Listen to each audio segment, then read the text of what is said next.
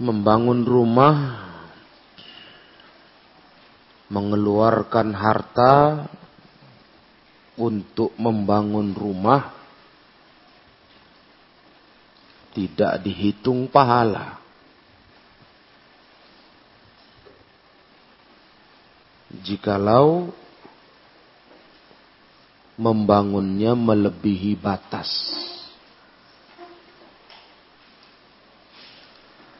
Membangunnya untuk kemewahan.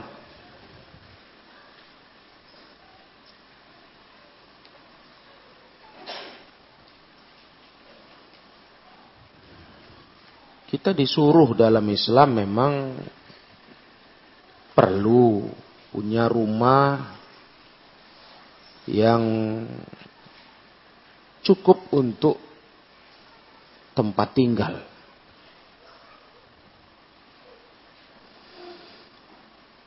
Cukup untuk berlindung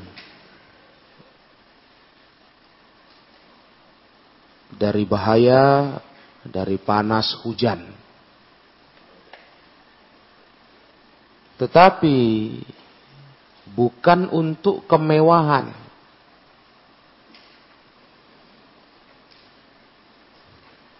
Apa yang terakhir kita baca? Rumahnya istri Nabi. Ya. Berarti rumah Nabi.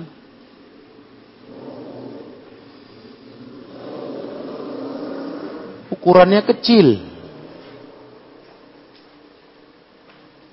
Ukurannya kecil. Yang diukur oleh para ulama dari kalangan tabi'in Al Hasan Al Basri rumah istri Nabi atapnya bisa dipegang pakai tangan. Berarti rendah rumahnya rendah. Iya. Bisa dipegang pakai tangan.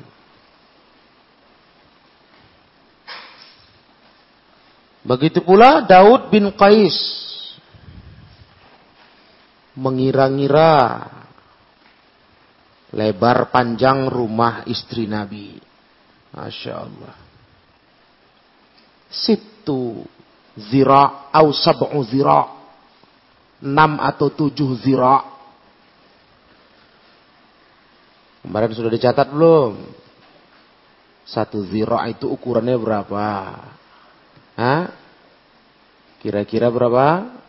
Setengah meter. 48 senti. Hah. Kali 6 atau kali 7. Walah, kecil. Kira-kira 3 meter kalau kali 6 kali tujuh tiga meter setengah. Panjangnya kurang lebih ya asru zira. Sepuluh zira.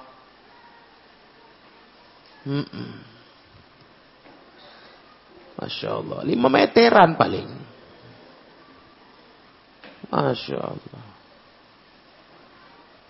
rumah Nabi, rumah istri Nabi. Ya Allah. Bukan maksudnya kita mau mesti kayak gitu.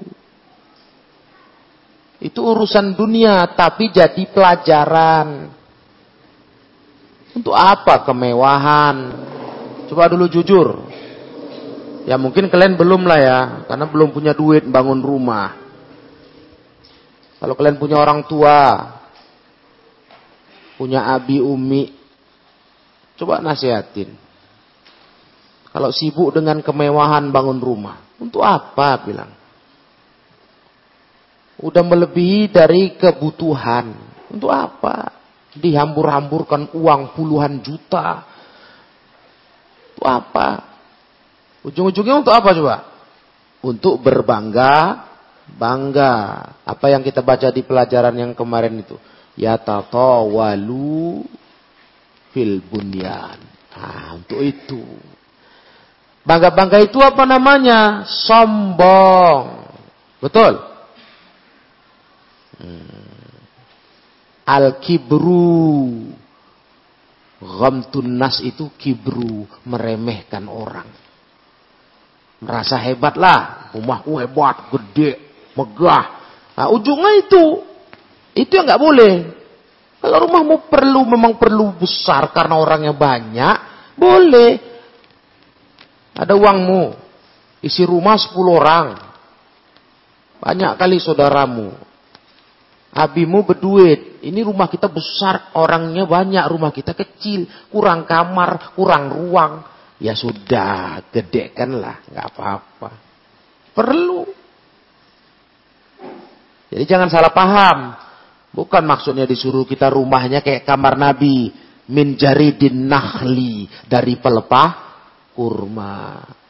Dindingnya bagaimana? Mughasya min kharijin bimasuhi syari. Bukan begitu. pakai lapisan dari kain berbulu. Ya, kalau kita sekarang misalnya yang model gitu, yang murah-murah gitu, pakai tepas. Rumah paling banyak jendelanya rumah pakai tepas. Karena lubangnya banyak. Lubang angin. Bukan begitu maksudnya. Kata ulama ini untuk pelajaran. Nah. Dan ini contoh orang-orang dulu dari kalangan salaf. Mereka lebih sibuk mikir rumah mana, akhirat, amal, kalau rumah dunia ini sebentar lagi ditinggalkan. Sahih amla. Kerja. Untang panting. Jadi anggota. Misalnya anggota dewan. Wah, DPR. Dewan Perwakilan Rakyat. Umpama ini. Banyak duit, bangun rumah megah-megah di kampung. Hmm. Tahu-tahu mati kena penyakit. Nah, tinggal. Betul. Tuh apa lagi tuh? Kobok mati enggak. Nah, jadi maksudnya itu kesederhanaan. Nah, itu untuk kalau sekarang kalian bisanya nasihatlah dulu ke orang tua. Nah, memang betul kalau untuk bangga-bangga ya sedap lah, keren-kerenan. Mana rumah kau? Itu. Gedung besar itu. Wah. Betul lah. Kalau mau nurutin nafsu, mantap. Wih, kaya kau ya. Mantap rumahmu. Megah. Iyalah. Misalnya. Iya. Cuma kan apakah itu Islam? Hmm. Mulim tadi nyontohkan anggota Dewan Perwakilan Rakyat. Kenapa? Teringat Mulim ini tetanggamu di Jemal 4 ini. Ada orang anggota Dewan tuh. DPR RI Pusat. Jakarta. Mati. Itu rumahnya sekarang. Dijual atau disewakan. Pening mau diapain rumah ini. Nggak ada nempati. Tiap hari malam lewat tuh. Nggak laku-laku ini. Kemarin ku tawar kurang 200 ribu nggak mau. Gaya ya. Paham nggak ini? Itu bahasa seluruh.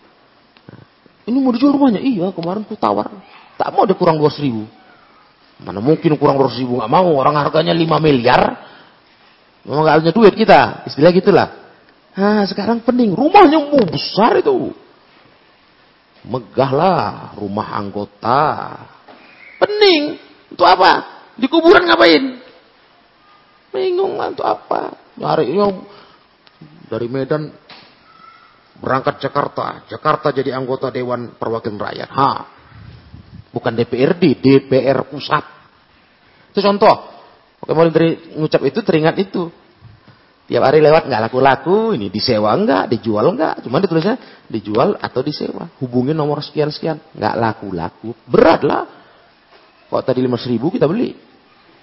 5 miliar, mana duitnya? Kan begitu. Artinya apa?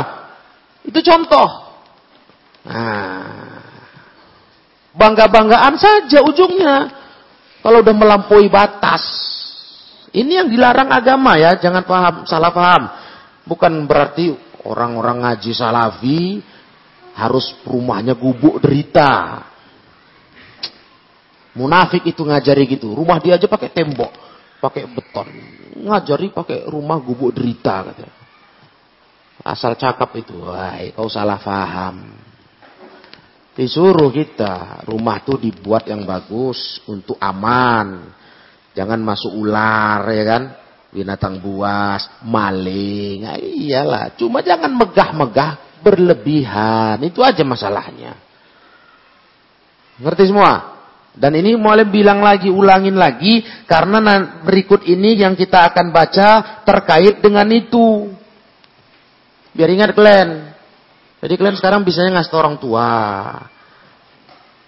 Nanti untuk kalian juga, ya namanya nasib kita kan nggak tahu sekarang ya kalian mungkin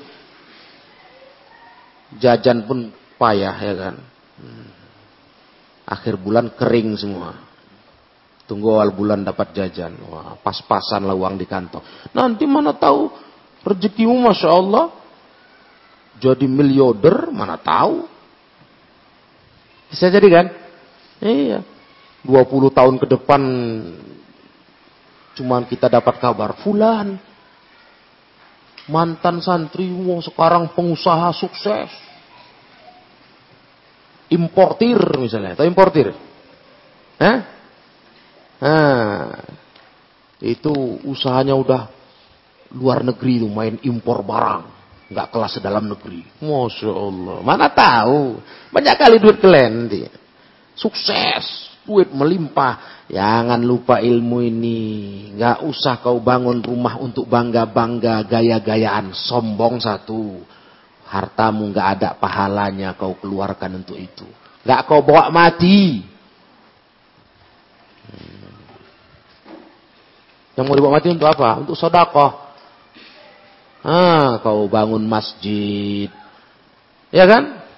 Sodakotun jariah. So? Ya. Ah, kau bangun ma'had. Kau biayai orang susah belajar.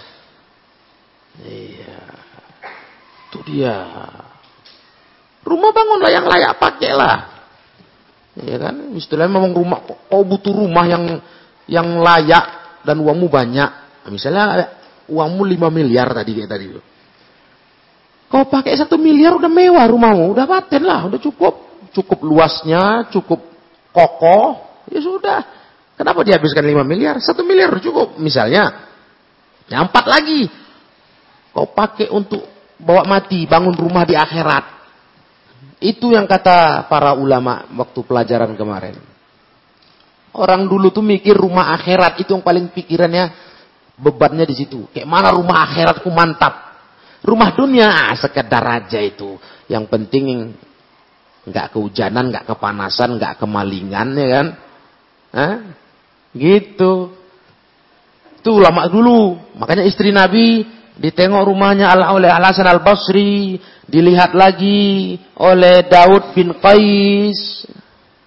Sederhana. Hmm. Paham nggak ini? Diulang lagi biar paham nih. Afahim dong? Betul?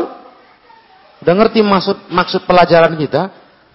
Nah, tujuannya kita jangan buang-buang harta, mubazir. Mubazir, jangan buang-buang harta. Kita kan belajar jangan sombong. Nah ini jalan sombong, rata-rata kesombongan aja itu. Kalian perhatikanlah. Orang kalau udah ngarah kepada kemewahan berlebihan, itu urusannya kesombongan. Gaya, gaya-gayaan. Keren-kerenan. Kaya-kayaan. Perhatikanlah. Bukan kebutuhan. Nah, rupanya boleh di Islam kita sombong. Nggak boleh. Ada hadisnya nggak? Hah? Ada. La yadkhulul jannata man kana fi qalbihi mithqalu dzarratin min kibrin nggak masuk surga. Orang yang ada di hatinya sebesar biji zarrah berupa sifat sombong. Kau harta kau bikin kau masuk neraka karena sombong. Iya. Kalau udah kesombong urusannya rugi lah. Nah, udah harta dipakai nggak nggak pahala, nggak pahala kan? Bangun rumah mewah-mewah itu, ditambah sombong, bangga-banggaan aku di komplek nih aku paling kaya, paling mantap, rumahku paling mantap. Nah itu sombong. Hati-hatilah. Nah, sama kayak kalau kalian perhatikan orang yang beli mobil mewah miliaran untuk apa? Sombong, sah, betul. Kita nggak bilang kita tahu hatinya, tapi nyatanya begitu. Untuk gaya-gayaan sama kawan-kawan. Iya, sampai ada yang gengsi naik mobil murahan karena aku orang kaya. Murah sama dia tuh. Kalau mobil cuma ratusan juta murah. Dia harus miliar. Hmm. Miliar. Kalau kelas kelas ratusan juta itu mobil pembantu itu. Ya kan? Pembantu. Kalau juragan, bos, mobilnya miliaran. Nah, harga 5 miliar ke atas. Masya Allah. Berbangga-bangga. Takabur, sombong, kiber. Nah, ini dosa, kau dosa kau. Udah di atas kebutuhan, melebihi. Wahadha ma yajus. Tidak boleh itu. Kalau udah tujuannya bersombong-sombong.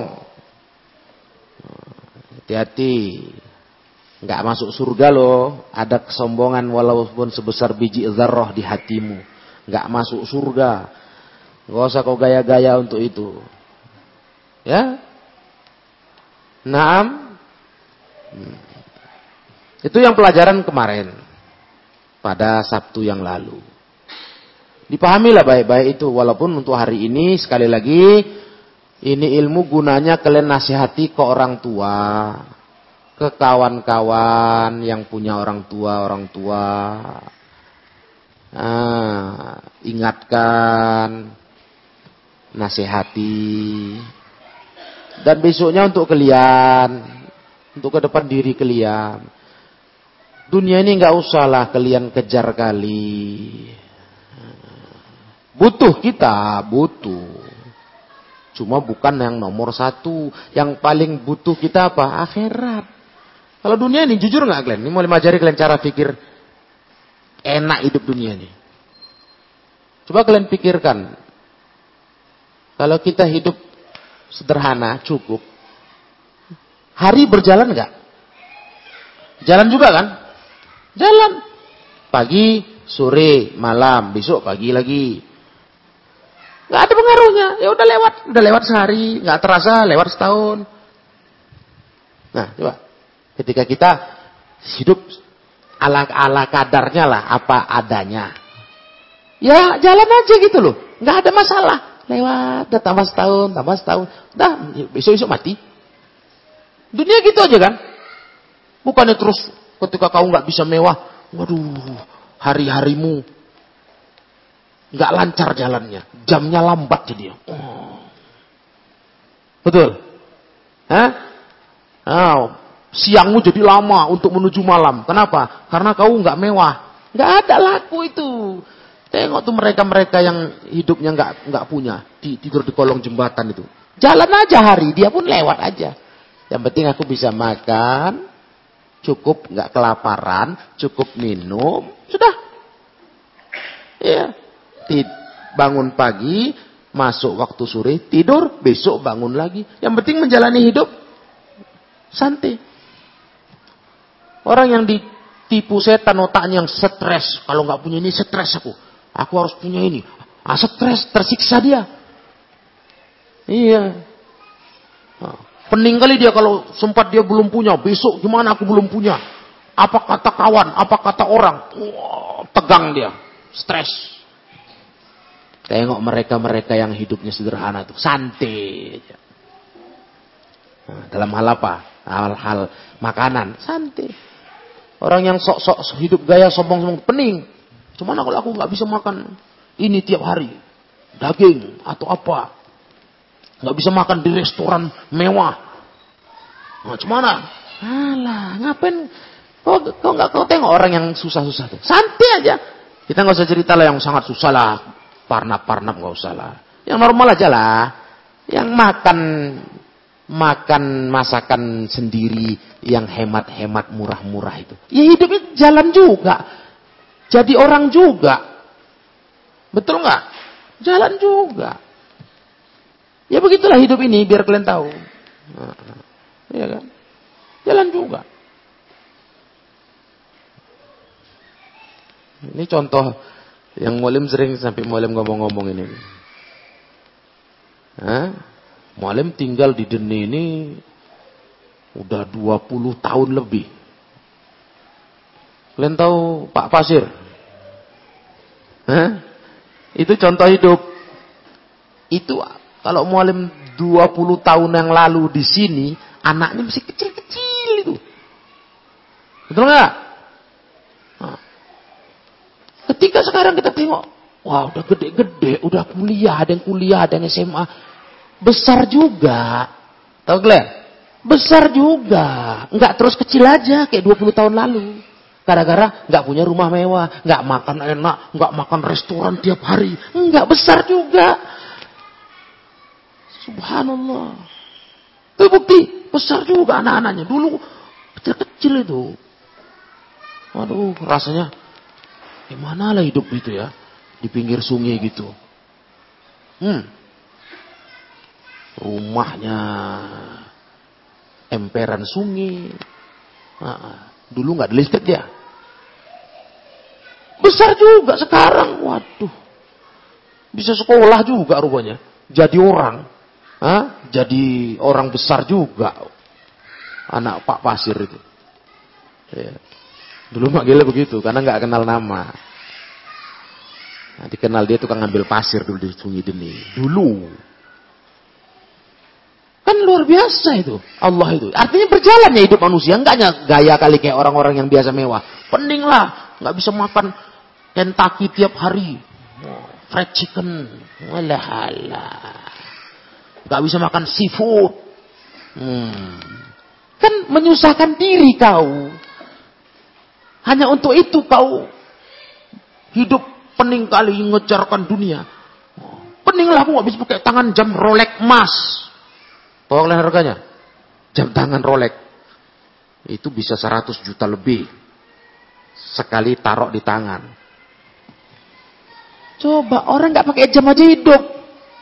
Kok mesti kau pening maksa diri harus pakai jam Rolex puluhan ratusan juta, paling nggak puluhan juta. Kenapa? Kok pening kali urusan dunia ini sih? Nah, ya kan? Kok pening kali? Kok kayak stres kali dia nggak bisa pakai jam Rolex. Kenapa? Karena ini aku harus begitu gaya di kawan-kawan. Pening kali sih. Aduh, stres sekali. Pakai sepatu mewah. Pening kali kayaknya hidup nih. Nah, itu pola hidup. Sebenarnya hidup ini mudah, mudah, mudah dan murah. Yang mahal itu apa? Gaya. Itu mahal. Hidup mudah, murah. Masalah makan gampang. Kita payah, mana pula payah makan. Iya. Kalian ada contohan. Selama ini kalian mewah makan? Enggak. Tapi makan kan? Makan. Dan mualim aja yang tiap hari nengok kalian. Terasa badan kalian besar. Tiap hari nengok. Ah, cuman orang yang jarang nengok. Itu kecut-kecut tuh. Uh, gede kali kau katanya. Ha. Besar juga di pondok nih loh, bukan makin kecil loh kalian. Makin kecil udah aneh udah. Makin kecil, makin kurus, makin cacingan. Ah, enggak loh, wali yang nengok tiap hari terkejut-kejut. Kadang, yuk, teringat ini tiga tahun lalu enggak segini dia nih. Oh, gede udah, masya Allah. Udah besar-besar, cuman makan ala pondoknya. Nah. Kok penting kali hidup sih? Hah? Ngerti gak kalian nih? Ya, itu gaya yang mahal, gaya hidup mahal. Nyusahkan diri. Kalau hidupnya mudah, murah, makan, aduh, gampang. Yang penting perut terisi, kenyang, selera. Soal selera itu relatif loh, bukan mesti makan mewah selera. Jangan salah kalian. Jangan salah. Taunya kalian tuh, bukan mesti makan mewah selera. Selera itu tergantung mana datang-datangan selera itu ya kan. Ya betul lah kadang kita selera makan sate, betul. Cuma jangan dikasih kok sate tiap saat, tiap hari. Rendang tiap hari, muntah, muak. Hari raya itu kenapa terasa tuh di rumah. Dimasakkan rendang kalian 5 kilo, makan tuh sebulan. Gak ada lauk lain tiap hari. Apa kalian carilah, cari dan ubi belacan. Mak, ini mak protes lah mulai protes. Ini aja lauknya awak, bosan awak. Ah, eh, rendang lah itu, daging mahal loh. Soal selera itu relatif. Relatif tau kalian. Hmm. Iya, jadi itu dia hidup. Ini pelajaran kita ini menyangkut hidup. Hidup ini dijalani biasa saja, nggak usah banyak kali gaya. Apa rumusan yang diajar Nabi? Dapat banyak alhamdulillah. Sikit alhamdulillah. Apa pun aman jadi. Yang penting itu beragama, itu baru. Jangan sikit alhamdulillah ya. Sikit innalillah. Kok ibadah kok sikit? Itu mau dibawa mati. Kalau dunia ini nggak ada, ditinggal mati yang ada. Kalau agama dibawa mati. Itu innalillah itu. Jadi kalau ke depannya kalau orang umum dengar kawan susah, wah, kawan kawanku susah, rumahnya nggak mewah, masya Allah, innalillah salah. Jangan sedih kau. Yang sedih itu dengar kawanku sekarang udah jarang ke masjid sholat. Ah itu innalillah. Iya. Sekarang udah gayanya udah dosa, isbal pakaiannya, innalillah. Ya kalau cuman kawanku rumahnya gitu-gitu aja, ah, Biasa, kenapa rupanya? Hah? Iya kan? Kerjanya gitu-gitu aja. Tiap tak, udah berapa tahun aku gak jumpa dia. Jumpa lagi, kerjanya itu juga lagi. Jual kerupuk misalnya. Kenapa rupanya? Kau pikir jual kerupuk itu sepele?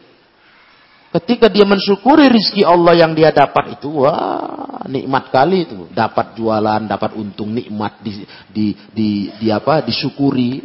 Daripada kau direktur dapat kau gaji 10 juta sebulan, kawan kau cuma sebulan sejuta atau nggak sampai, kau 10 juta tapi kau nggak syukur, pening kau. Pening nggak?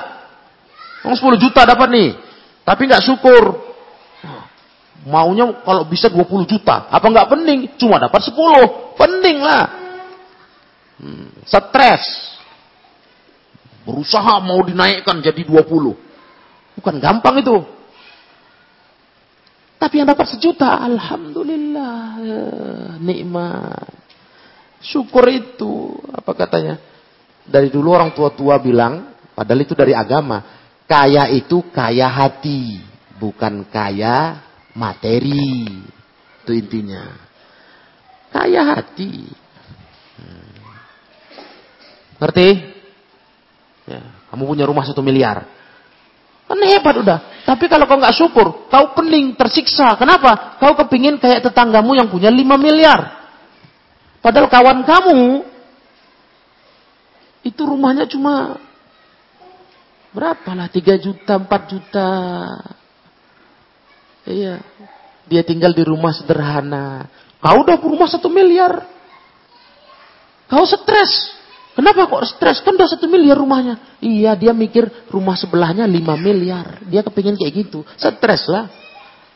Gila lah kau nyarikan itu. Nah, itulah contoh hidup. Dah ya. Jadi yang dimaukan di sini di pelajaran akhlak ini kalian sadar hidup ini bukan untuk kemewah kemewahan bermegah-megah. Hidup ini untuk kesederhanaan saja. Secukupnya aja udah. Kalau kok diturutin nggak ada habis-habisnya, habis-habisnya, nggak ada cukup-cukup. Dunia ini nggak cukup-cukup. Nah, nggak ada cukup. Itulah penyakit dunia. Dikejar makin lari, dikejar makin lari. Nggak akan ada orang bisa mencapai dunia se sepuasnya. Puncaknya nggak sampai-sampai. Makin makin tinggi, makin tinggi dikejar. Kau makin tertinggal. Kalau dikejar, coba nggak kejar, nggak kau kejar dunia. Dia datang. Nah, kau kejar dia lari. Ya. Nah, jadi ini didikan akhlak. Dengar itu, akhwat semua. Apalagi perempuan kemarin kita bicara ya. Perempuan ini bahaya. Kalau nggak punya sifat syukur ini nanti ngerusak suami. Menuntut suami aja minta ini, minta ini. Ya, itulah jahatnya nanti suami. Jadi jahat dia. Gara-gara didesak-desak istri. Itu bahaya perempuan. Makanya perempuan itu jadilah wanita yang tahu syukur. Nah. Ayo kita lihat bagaimana hadis atau bab berikutnya. Bab manbana. Bab siapa yang membangun.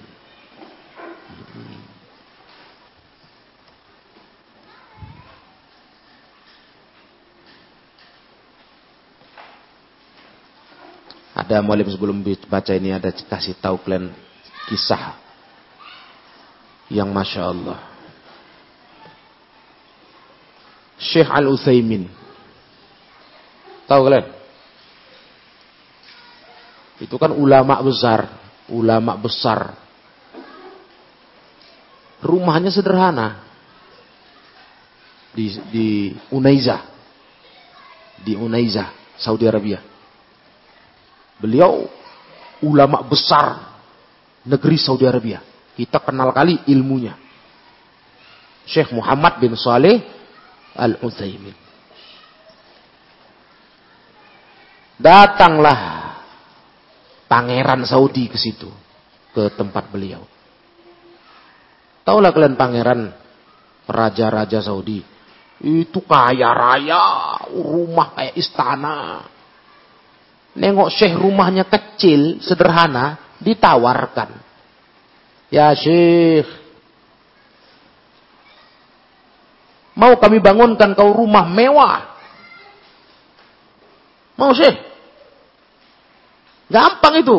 Kok kayak gini cuma rumahmu. Sedangkan beliau ulama besar. Bukan ulama asal-asalan. Syekh Utsaimin. Hmm. Ini ada murid-muridnya nih. Cerita ini ada muridnya duduk situ. Apa kata Syekh? Waduh, nggak usah lah Syekh, nggak usah lah hai pangeran. Ada rumah kami di sana, disebut beliau satu daerah. Ada rumah kami di situ. Jangan khawatir, nggak apa-apa. Ini aja kami pakai dulu. Kami udah ada rumah di sana. Nanti kami pindah lagi ke sana nih, nggak di sini kami lagi. Kata pangeran, oh gitu sih. Ya udah tenanglah pangeran. Kenapa? Oh, saya ada rumah lain rupanya. Mau pindah pun lagi ke rumah itu. Wah, pulang. Muridnya tanya, karena muridnya tahu betul dengan Syekh Utsaimin. Ya Syekh, kau bohong apa? Kau bilang ada rumah kau di sana. Mana ada rumah kau di sana? Kata Syekh, iyalah, itu kan ada kuburan di sana. Maksudku, itulah rumah. Nanti kita pindah ke sana semua, bukan aku aja. Muridnya semua. Makanya ditulis kisah itu. Muridnya yang cerita ini. Masya Allah Syekh Utsaimin. Ditawarkan, bukan dicari, bukan cari-cari kerja, payah-payah. Enggak, tinggal bilang, bangun. Jadi. Nah, menawarkan pangeran. Duit sikit lah bangun rumah satu. Namanya pangeran Raja Minyak Saudi Arabia. Tahu kalian? Uangnya waduh. Cuman bangun satu rumah untuk Syekh megah kayak Jerman 4 kecil. Nah, orang Jerman 4 bangun rumah mungkin bisa habis waktu sekian tahun baru jadi. Karena modalnya banyak tapi tentu ya tahapan-tahapan lah ya kan. Nah, bangun rumah mewah baru siap 2 tahun, 3 tahun. Misalnya kalau sempat Pangeran Saudi bangun rumah kayak Jerman itu, Dikeroyoknya lah, dikerahkan di tukang semua. Iya, enam bulan jadi teng tegak. Duitnya banyak.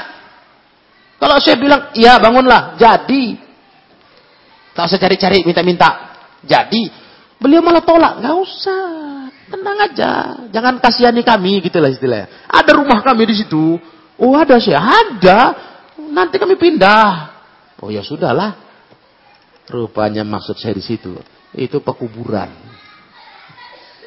Ada rumah kami di situ. Nanti kami pindah situ lah. Ah, tengok itu. Iya kan? Ingat itu. Kalau kita cerita dunia, ingat itu. Kita mau pindah ke kuburan ya semua. Tinggal dunia ini, nggak ada apa-apanya. Berangkat kita. Bawa kain putih aja. Tiga lapis. Betul nggak? Ada kain lainnya? Hah? Nggak ada kan? Bawa 2000 perak nggak bisa? Nggak ada pernah diselipkan di badan kita harta kita. Semua tinggal. Telanjang kita dibungkus kain putih tiga lapis ikat, cret. Nah, angkat, gotong. Masukkan tanah, selesai, timbun, habis. Mau orang kaya, mau pangeran, mau raja, mau presiden, gitulah semua. Nah, kalau orang Islam ya, kalau orang kafir ya lain-lain macam apa acaranya. Begitu, itu mau teringat kali itu kisah itu. Terkejut kali nengok baca itu. Masya Allah Syekh. Dunia datang kepadanya. Nawarkan diri. Ah, mau. Udah cukup rumahku ini. Cuman gak mau dibilangnya gitu. Sama pangeran. Udah cukup ini. Nah, nanti didesak. Karena pangeran namanya pangeran mau ngormatin ulama. Ulama besar. Ya kan?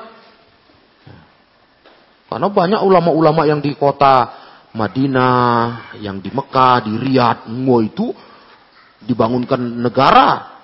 Rumah megah-megah. Masya Allah, wow, besar. Mualim udah tengok salah satunya. Udah datang, lihat. Masuk aja enggak. Karena enggak perlu. Enggak pula kita mungkin diizinkan. Cuma udah kita tengok. Hampir keliling. Rumahnya Asyik Sudais. Uh, uh, sepanjang gang wakaf di rumah dia. Tahu kalian? Hah? Karena beliau imam besar Masjidil Haram, Masjid Nabawi. Hmm. Pejabat. Itu jalan kaki di pinggiran rumahnya, uh, panjang. Muter. Wah, ini mulai ukur-ukur sebesar gang wakaf ini. Bukan satu rumah, satu bukan banyak rumah, satu orang, satu syekh Hmm, dikasih pemerintah. Iya. Ya perlulah karena Syekh Al uh, Syekh As-Sudes istrinya aja empat. Wah anaknya banyak. Syekh Sudes. Eh, mungkin pangeran nengok Syekh Utsaimin tuh wah ya di atas Syekh Sudes. Ulama tua yang ilmunya luar biasa. Luar biasa itu. Fakih Masa rumahnya cuma segini? Ah ini nggak iya nih, dibangun ini. Ah nggak usah, nggak usah, nggak usah pangeran, nggak usah. Udah ada rumah kami di daerah itu. Ah pindah nanti kami, tenang aja. Bayangan saya ada rumah besar di situ, megah. Wah nanti saya pindah nih, aman ini pikir pangeran. Rupanya kuburan. Terharu kita nengok Syekh Utsaimin. Masya Allah. Ini, ini ulama ini. Syekh Utsaimin sudah tua kali ya. Meninggal pun udah umurnya tua. Putih semua jenggotnya. Wahakadha. Ini penting dikasih tahu sama kalian. Karena dunia ini menggoda. Kalau diikutin dia nggak ada cukup-cukupnya. Nah, biar kalian tahu ini kisah. Jangan lupakan ini ya. Nah, jangan lupakan kayak mana rumah Nabi, istri Nabi. Nah, sekarang tengok ini. Bab man bana An Qais bin Abi Hazim qala dakhalna ala Khabbab na'uduh. Kami masuk ketemu Khabbab, Khabbab ibnul Arad, sahabat Nabi. Kami mengunjungi beliau, kata Qais bin Abi Hazim. Berkunjunglah ke rumah sahabat Khabbab ibnul Arad. Wa qadik tawa sab'a Beliau barusan ber, berobat dengan sistem kai. Dalam satu riwayat disebutkan di perutnya berobat dengan cara kai. Kai itu di, dikasih besi panas, terapi besi panas. Tujuh tempat di terapi dia. Kai itu sistem pengobatan. Kan ada bekam, ada fasdu, ya, ada kai. Nah, cuma kayak ini kata Nabi salah satu syarat masuk surga tanpa hisap wala yak tahun, ya kan? Tidak berobat dengan kai. Jadi, kalau dulu memang orang tuh suka berobat pakai cara kai.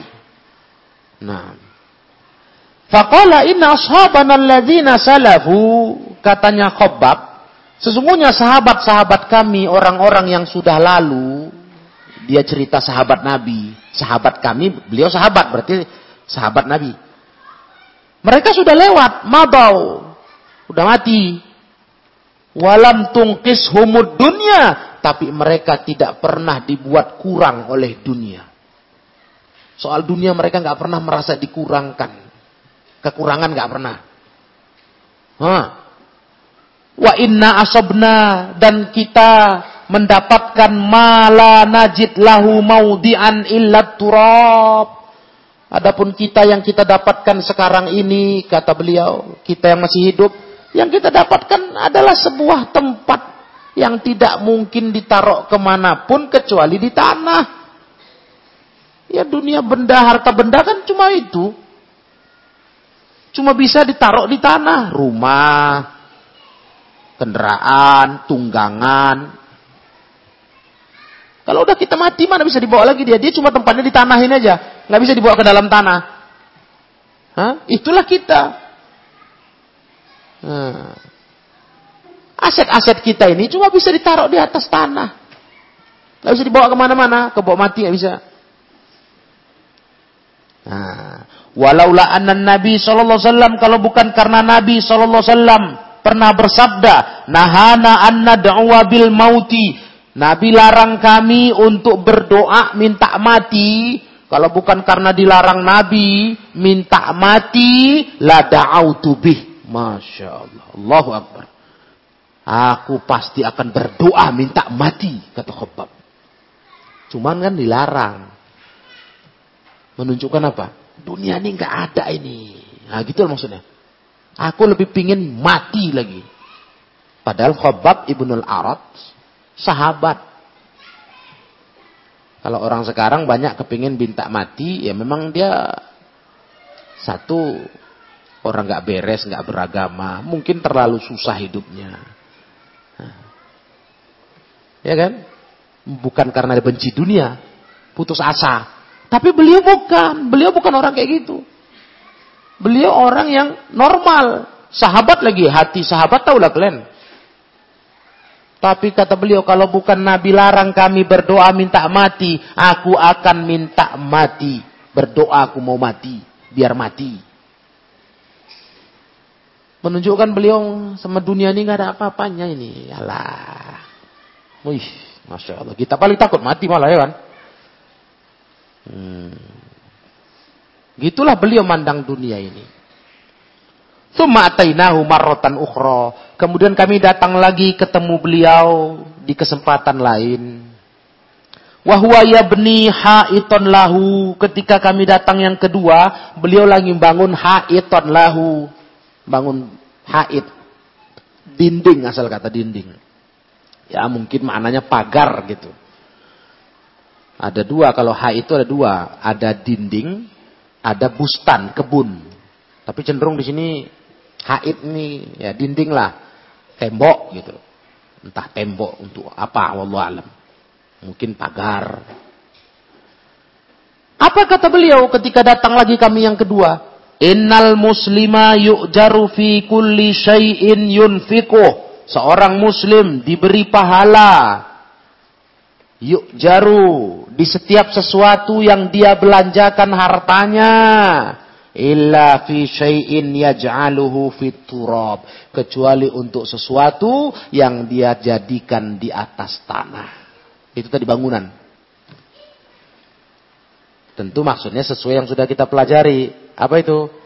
Yang kata waktu bab sebelumnya. Semua berpahala kecuali untuk bangunan. Apa syarahnya? Jangan lupa. Jikalau melebihi kebutuhan. Betul jangan lupa jikalau melebihi kebutuhan. Kalau sesuai kebutuhan, pahala. Itu syarahnya. Kalau sesuai kebutuhan, pahala. Tapi kalau melebihi kebutuhan, nggak ada pahala. Itulah tadi bermegah-megah. Itu nggak ada pahala. Kalau dipikir-pikir rugi nggak? Rugi. Nyari duit gampang nggak? Enggak lah. Susah. Walaupun yang kerjanya hebat-hebat tuh. Susah itu. Direktur. Kalian pikir enak itu? Itu direktur dia. Kecuali tukang sapunya. Capek. Enggak, direktur berat loh. Dia mikirin satu perusahaan. Otaknya bekerja. macam mana ini, macam mana ini, pegawai, kantor, uh, rekan bisnis. Uh, pening itu. Nah, stres itu hidupnya untuk cari duit. Nyari uang susah. Ya. Udah dapat, dipakailah belanja untuk kemewahan. Kemewahan dalam arti tadi, kebutuhan yang melebihi pokok. Bangun rumah kayak tadi, muka-muka gak akan karuan. Gak ada pahala. Berarti yang kau cari susah-susah itu gak ada pahala. Kecuali yang tadi membangun rumah yang wajar, berpahala. Uang yang kau cari itu. Kau belanjakan untuk yang pokok. Tapi ketika kau pakai untuk melebihi pokok, nggak ada pahala. Dah, dicari payah, udah dapat uang, dibelanjakan, nggak ada pahala. Nah. Apa untungnya? Nggak ada kan? Ada katanya. Dia bilang bantah. Adalah. Awak bangga, awak naik naik derajat, terhormat ditengok manusia, Wih, bapak ini orang kaya ah. Nah, iya. Coba jujur. Berapa lama nikmatnya kemewahan yang kau rasakan? Coba jujur. Kitanya belum punya rumah mewah, mobil mewah, belum punya. Yang punya tau kalian, itu udah biasa aja. Nggak, nggak ada lagi wahnya. Setelah berjalan sekian tahun dipakainya. Iya. Biasa aja. Itulah dunia. Itu dulu pernah mulai bilang sama kalian. Mulai mencontohkan yang kalian jalani lah kalau yang itu belum dapat kalian. Kita belum dapat. Kalian kepengen kan? Pernah kepengen kan? Punya jam. Pernah kan? Janganlah jam murah-murah, agak mahal lah. Pengen punya gamis mahal. Pengen punya sendal mahal. Ketika kalian dapat, senang nggak? Terbelilah jam itu. Senang nggak? Senang. Wih, itu mulai bilang dipakai, dijaga, lap-lap. Sebulan udah di tong sampah tuh jam tuh. Nah, betul. Udah paling nggak kalau nggak di tong sampah, udah nggak minat kali kali nengoknya bunda. Kemarin ngarapnya, uh, termimpi-mimpi. Udah dipesan nggak datang-datang. kapan lah? Nggak sabar tangan tuh gatel udah. Mau pakai jam biar gaya sama kawan. Ha, ha. Sebulan ah. Bawa kolong lemari. Tak tak tak terus lagi, tak tak tak selera lagi. Ah, ribet kali pun tangan dikasih jam gitu. Mulailah, mulailah. Mulai yang kemarin kepingin kali mahal-mahal tuh, mulailah udah biasa aja rasanya. Betul nggak? Nah, itulah itulah yang dirasakan mereka. Karena dunia ini cuma begitu. Ketika belum dapat, kalian menggebu-gebu, nafsu. Uh. Begitu punya, biasa aja. Hmm. Itu dunia. Hmm. Itu dunia, itu sifat dunia. Nah. Jadi mungkin kita yang bilang, uh hebat kali dia, sedap kali lah dia itu ya, enak kali ya, rumahnya besar kali, kayak mewah kali ya. Aduh, karena kau belum punya. Dia udah biasa. Bahkan mungkin udah suntuk dia. Ya besar kali pun ini. Sepi. Serem. Hmm. Awak tinggal sama bini, anak udah semua kerja, punya rumah masing-masing katanya. Terpaksalah manggil keponakan, manggil saudara dari kampung biar rame rumah tuh. Manggil pembantu. Kalau nggak sepi, serem. Hmm. Kamar di rumah tuh lima. Awak make sendiri satu kamar sama istri katanya. Yang empat lagi di jin yang make. Iya kan? Iya. Ya, jin yang make. Nggak usah kan orang umum. Ikhwah ngaji aja pernah bilang mualim. Kayak mana Ustaz ya? Kok saya rasa diganggu-ganggu ini? Orang ngaji loh nih. Kenapa diganggu Pak? Iya. Kamar saya kan ada berapa tuh? Itu nggak terpakai. Kayaknya ada yang ngisi tuh katanya. Uh, masa Pak? Iya. Awas kalian hati-hati malam-malam nanti. Sampai saya bilang sama istri, mereka ini kayak ada orang di kamar nih. Karena nggak dipakai-pakai, nggak dibuka-buka. Kenapa orang nggak ada anak di situ lagi? Itu ikhwan ngaji. Ay, biasa itu malam bilang, biasa tuh pak. Ngawani biar nggak sepi kali. Oh iya Ustaz iya, biasa aja, jangan jangan jangan pikirkan itu sudah. Iya, saya sering sholat malam. Kayak lewat dia. Wah, ngeri kali cerita dia tuh. Nah, lewat dia, eh, Pak. Gak apa-apa, biasa aja Pak, sholat aja. Kan nggak megang dia mulai bilang. Betul, mulai bilang nggak megang kan Pak? Enggak, katanya. Oh ya nggak apa-apa lah. Kecuali dia megang. Artinya, ya tempat kosong-kosong rumahnya itu sarang jin juga. Nah, kayak ada orang di dalam kamar tuh katanya. Kayak waktu masih ada anak. Begitu hidup nih tuh. Udah bening dia tuh. Makanya dipanggilnya orang kampungnya, saudara-saudaranya biar rame. Panggilnya membantu tiga orang. Aduh, pening kan? Nah, sampai terus dia nanya, bagusnya gimana ya? Saya jual aja itu ya, saya buat rumah yang kecil. Iya bagus itu. Iya, lagi bilang ngurus udah capek. Udah capek ngurusnya. Nyapunya aja nggak siap-siap ya. Lebar rumahnya, luas. Mau pakai pembantu, keluar duit lagi gaji orang. Belum lagi nanti kena pula tahu hukum ada bab-bab batasan syariat kalau pembantu perempuan dengan dia bahaya kan? Nggak mahram. Kalau pembantu laki-laki dengan istrinya ah mulai pening. Nah, itulah dunia. Paham kan? Nah, karena kita belum dapat. Yang dapat udah udah make udah mulai suntuk. Oh, suntuk. Sepi loh itu bukan kira rumah rumah jermal bertingkat tuh dua orang laki bini tinggal situ nggak sepi Mau ngapain? Mau main bola ada di situ. Tengok-tengokan aja lah. Nah, barulah malam mulailah terasa suasananya nggak enak di rumah sebesar itu, betul? Nah, iya, nggak usah kan mereka nggak ada ilmu tauhidnya. Kalian aja di, dikasih duit, tinggal kos itu, kau urus rumah tuh lagi kosong tuh. Orangnya pergi kampung raya, nggak mau kalian. Tidur situ, iya sendiri aja itu ya. Nah, mulailah kalian berpikir ada gundurwo, kuntilanak. Iya, pasti nggak mau kalian. Rumah jermal besar-besar tuh. Jaga kau sendiri. Siang kau sapu, malam kau tunggui. Ah, pak kawan lah, mulai kalian ngeri. Ah, sedangkan kalian kepingin rumah besar, ah, coba dikasih gratis pakailah. Semana kamar mau kau pakai pilih. Ah, enggak lah, enggak lah. Ah, mungkin kalian milih tidur di teras. Dalam rumah ngeri, tertutup. Kalau di teras, Nampak juga lewat-lewat kereta orang ya kan? takut udah takut. Takut rumah besar, takut. Allah Allah. Rumah kalian sekarang aja di rumah sana, di kampung masing-masing. Kalau lagi kosong, kamu sendiri tungguin aja. Udah ngeri kalian. Udah mulai, tahap apa pikir kalian? Udah mulai ketakutan, udah mulai. Ya, itu dari ada ilmu. Udah berilmu. Udah nggak boleh takut begitu semestinya. Khaufus sir itu, ya kan? Udah kita belajar kan? Takut yang tersembunyi yang nggak boleh. Nah, itulah hidup dunia ya. Nah, nah begitu. Jadi, jadi urusan dunia memang seperti itulah adanya. Ya.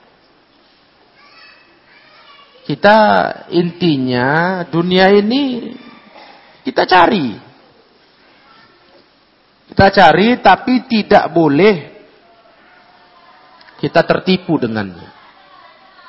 Tidak boleh. Tidak boleh kita melupakan akhirat karenanya. Karena ini masalah yang menipu, dunia ini menipu. Kita jangan mau ditipunya. Ya. Nanti uang kita sia-sia beli belanja yang gak karu-karuan untuk kemegahan habis, nggak ada pahala. Ya, itu bahaya sekali. Baik. Nah, kemudian kita satu lagi kita tambahkan an Abdullah bin Amr qala marran Nabi sallallahu alaihi wasallam wa ana uslihu khussan lana. Dari Abdullah bin Amr beliau berkata Nabi lewat lewat sama kami Aku sedang uslih memperbaiki khuson lana. Memperbaiki khuson. Itu al-khus itu rumah. Rumah yang dibuat dari kayu dan bambu. Nah, ibarat kita rumah tepas gitu sekarang. Ada dulu udah ada. Rumah tepas. Rumah dibuat dari kayu dan bambu. Kami sedang memperbaiki itu. Kenapa dinamakan khus? Khisas, khus. Karena tadi banyak lubangnya. Banyak al-furaju wal anqab. Namanya tepas. Istilah kita tepas kalau sekarang kan. Hah? Kalian tahu tepas kan? Tahu lah, masa nggak tahu tepas. Bambu dianyam, nah, jadi dinding. Nah, beli tepas itu. Kalau sekarang kita nggak dapat lagi cari rumah tepas kecuali di pinggir-pinggir kampung. Nah, ya kan ada lagi. Sekarang orang rumahnya harus tembok. Nggak tepas lagi. Nah, jadi itu yang dibetulin oleh Abdullah bin Amr. Lagi betulin rumah tepasnya lah. Datang Nabi lewat, Nabi tanya, Mahaza apa ini? Sedang apa kau? Qultu uslihu khussana ya Rasulullah. Kami sedang memperbaiki rumah kami ya Rasulullah. Kami perbaikilah. Namanya rumah tepas kan. Maka Rasul bersabda, kata Rasulullah, Al-amru asra'u min zalik. Kata Rasulullah urusannya itu lebih cepat dari rumah ini yang kau perbaiki. Nah, apa maknanya? urusan itu lebih cepat. Maknanya ajal itu lebih dekat daripada kemungkinan rumahmu rubuh.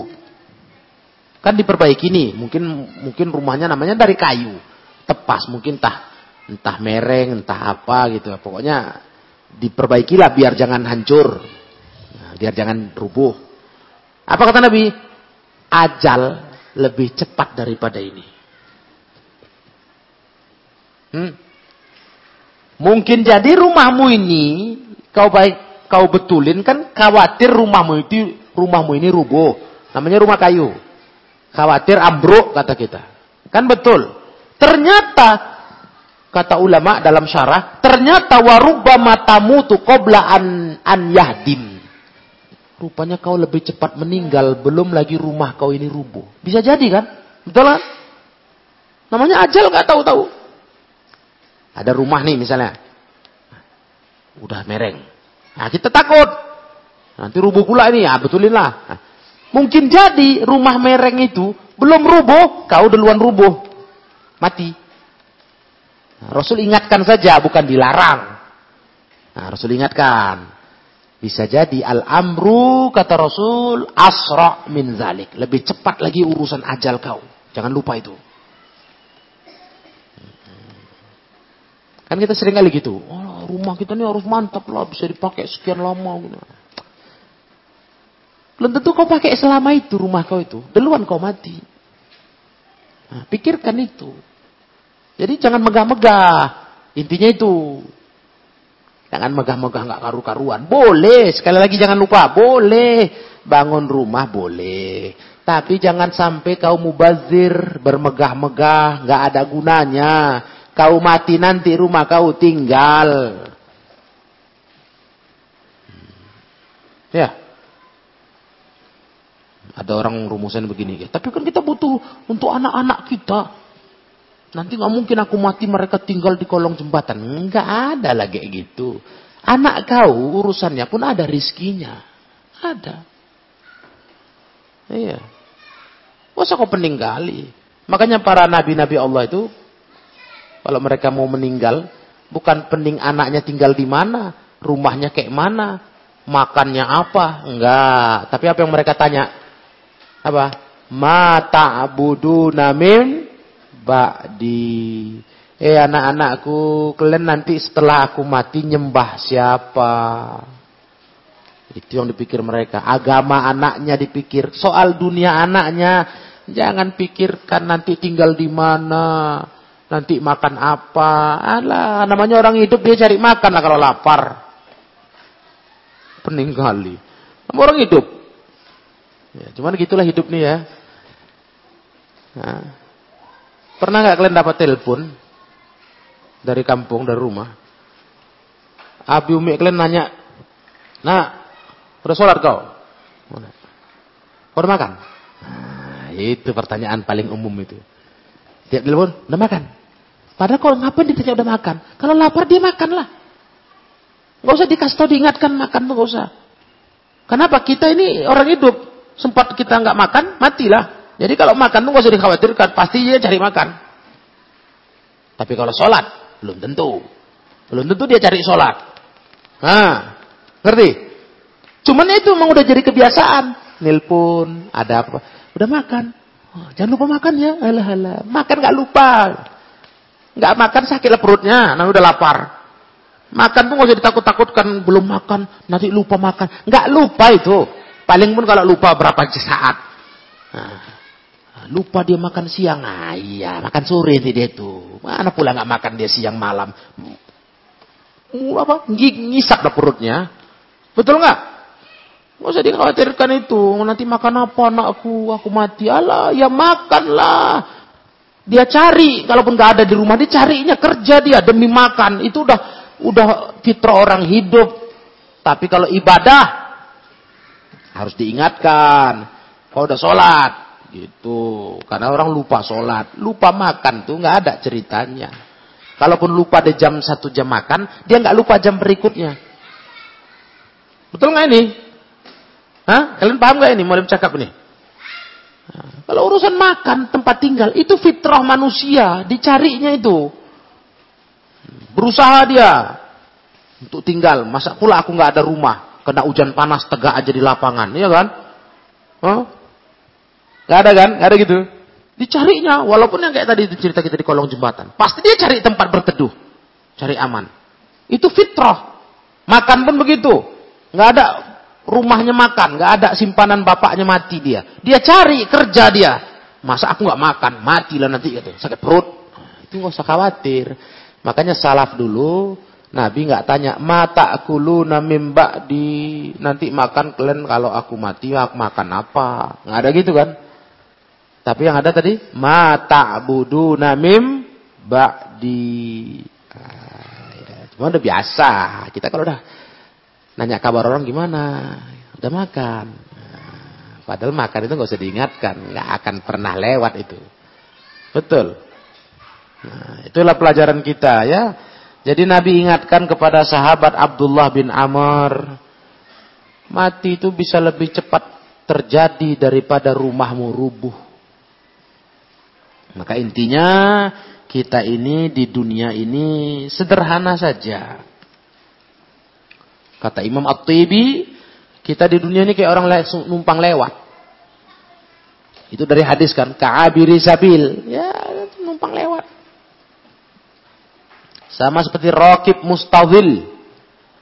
Pengendara yang sedang numpang berteduh. Di dunia ini sekedar begitu. Nah, cuma numpang berteduh. Iya. Tujuan kita nggak di dunia ini. Tujuan kita akhirat. Kita mau ke sana. Dunia ini cuma numpang lewat. Menuju ke alam akhirat. Nah. Malas? Jadi demikianlah pelajaran kita dari satu bab 190. Ya. Wallahu a'lam bissawab.